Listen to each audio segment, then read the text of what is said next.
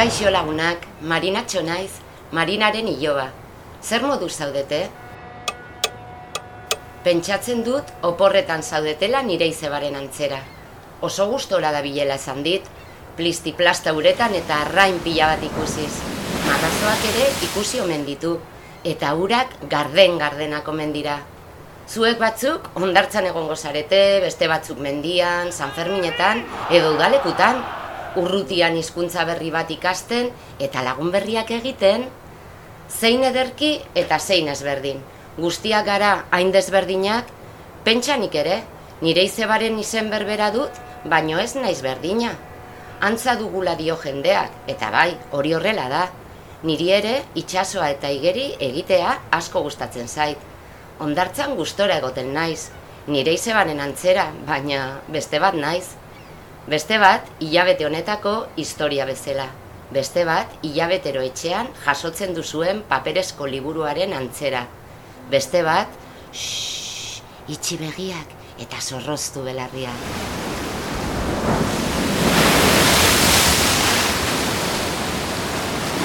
Ai ama, ai ama. Haze nolako endredoan sartu nauen nire osaba alexek. Bai, osaba dut alex. Eta nik ere alex izena dut. Naiz eta etxean, alezio deitzen didaten.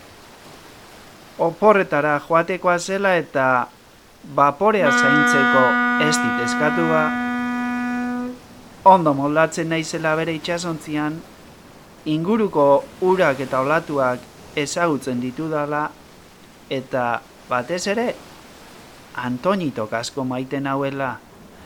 Ene, zenbat alpiste eta kakauete eman dizkiodan Antonito loroari. Eta bidaiak? Jakingo bazenute zenbat itxaso eta bidai egin ditudan nire osaba Alex eta Antonitorekin? Bai, osabak irakatsi dit itxasoaz dakidan guztia.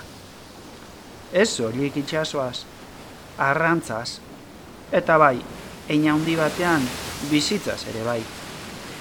Hainbeste ordu pasaritugu elkarrekin, askok diote, txikitan, ni bezalako xea zela. E, beno, agian ni izango naiz, bera bezalako xea, baina, bai, antza dugula diote. Beste batzuk? Nira aita dirudiela ez dut esaten ba, baina ez. Naiz eta antzekoak izan, ezberdina gara. Ea, ea ondo esplikatzeko gain naizen, nola demontra den posible antzekoak izan, eta aldi berean, desberdinak izatea. Ea, ea, e, adibide batzuk, e, demagun pilota bat, bai, e, pilotak e, borobilak dira. Irudikatu golf pilota bat, edo tenis pilota bat. Zaskibaloi pilota bat, futbol pilota bat, edo irudikatzen badugu pinpon pilota bat, eta petanka pilota bat. Paper pilota bat, ere izan diteke. Guztiak dira biribilak, baina aldi berean, ezberdinak dira. E, beste adibide bat. Demagun marrazo bat. Demagun zezen marrazoa. Limoi marrazoa. Zebra marrazoa. Edo tigre marrazoa marrazo zuria, Groenlandiako marrazoa, edo lekeitiuko marrazo bat, edo getariako marrazo bat. Pentsa, bosteun marrazo mota baina gehiago mendaude, bai, antzekoak dira, baina aldi berean, ezberdinak. Ea, ea beste adibide batekin, hobeto ulertzen didazuen. zuen hainbat itxaso ezberdin datik pasan naiz paperezko baporean. Bai, itxaso denak, antzekoak, baina guztietan, olatu desberdinak zeuden. E, kantauri itxaso adibidez, Mediterranear itxasoa. Karibeko itxasotik ere igaro naiz. Edo mantxako itxasotik. Itxaso gorritik ere. Bai, igaro nintzen. Itxaso beltza. Kaspiar itxasoa. Edo itxaso hila. Bai, denak antzekoak. Denak gaziak. Baina aldi berean, desberdinak. Ai ama, azirak azpen polita eman digun ales txikiak.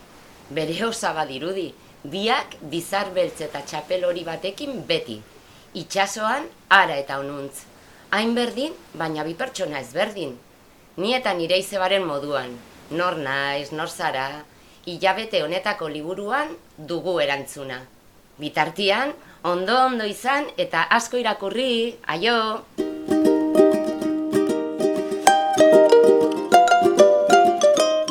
Entzun duzun podcast hau garoa liburu dendak egina da. Gogoratu paperezkoak ekimenean izena emateko paperezkoak.eus webgunean sartu behar zarela. paperezkoak.eus. Urrengo liburu arte.